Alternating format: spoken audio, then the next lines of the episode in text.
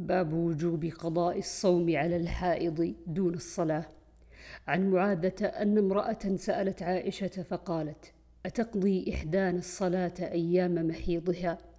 فقالت عائشة: أحرورية أنت؟ قد كانت إحدانا تحيض على عهد رسول الله صلى الله عليه وسلم ثم لا تؤمر بقضاء. وعن معاذة أنها سألت عائشة: أتقضي الحائض الصلاة؟ فقالت عائشة: أحرورية أنت؟ قد كن نساء رسول الله صلى الله عليه وسلم يحضن أفأمرهن أن يجزين يعني يقضين وعنها قالت سألت عائشة فقلت ما بال الحائض تقضي الصوم ولا تقضي الصلاة فقالت أحرورية أنت؟ قلت لست بحرورية ولكني أسأل قالت كان يصيبنا ذلك فنؤمر بقضاء الصوم ولا نؤمر بقضاء الصلاة. باب تستر المغتسل بثوب ونحوه.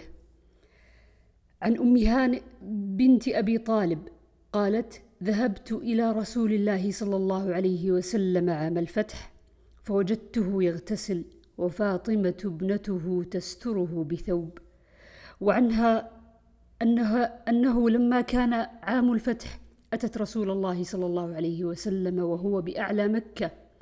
قام رسول الله صلى الله عليه وسلم إلى غسله فسترت عليه فاطمة ثم أخذ ثوبه فالتحف به ثم صلى ثمان ركعات سبحة الضحى. وفي رواية فسترته ابنته فاطمة بثوبه فلما اغتسل أخذه فالتحف به. ثم قام فصلى ثمان سجدات وذلك ضحى. وعن ميمونة قالت وضعت للنبي صلى الله عليه وسلم ماء وسترته فاغتسل. باب تحريم النظر إلى العورات. عن أبي سعيد الخدري أن رسول الله صلى الله عليه وسلم قال لا ينظر الرجل إلى عورة الرجل ولا المرأة إلى عورة المرأة.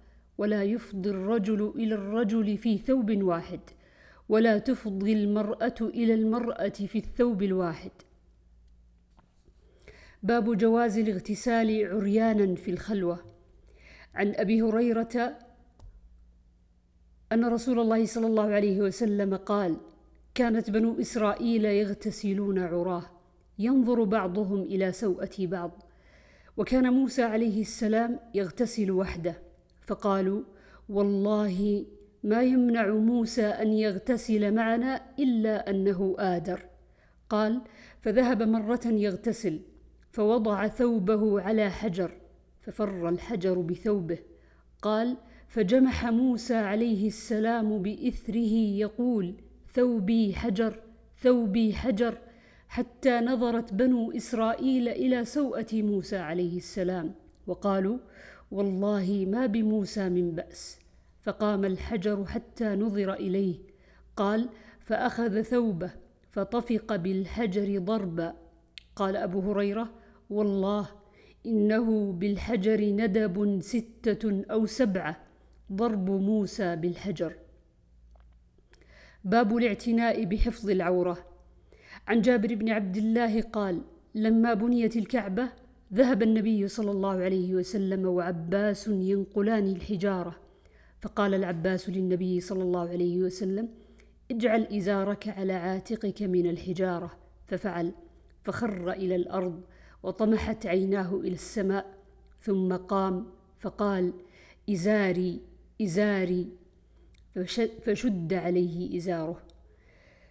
وعن جابر رضي الله عنه أنه كان يحدث أن رسول الله صلى الله عليه وسلم كان ينقل معهم الحجارة للكعبة وعليه ازار فقال له العباس عمه يا ابن أخي لو حللت إزارك فجعلته على منكبك دون الحجارة.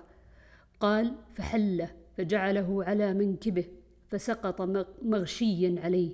قال فما رؤي بعد ذلك اليوم عريانا.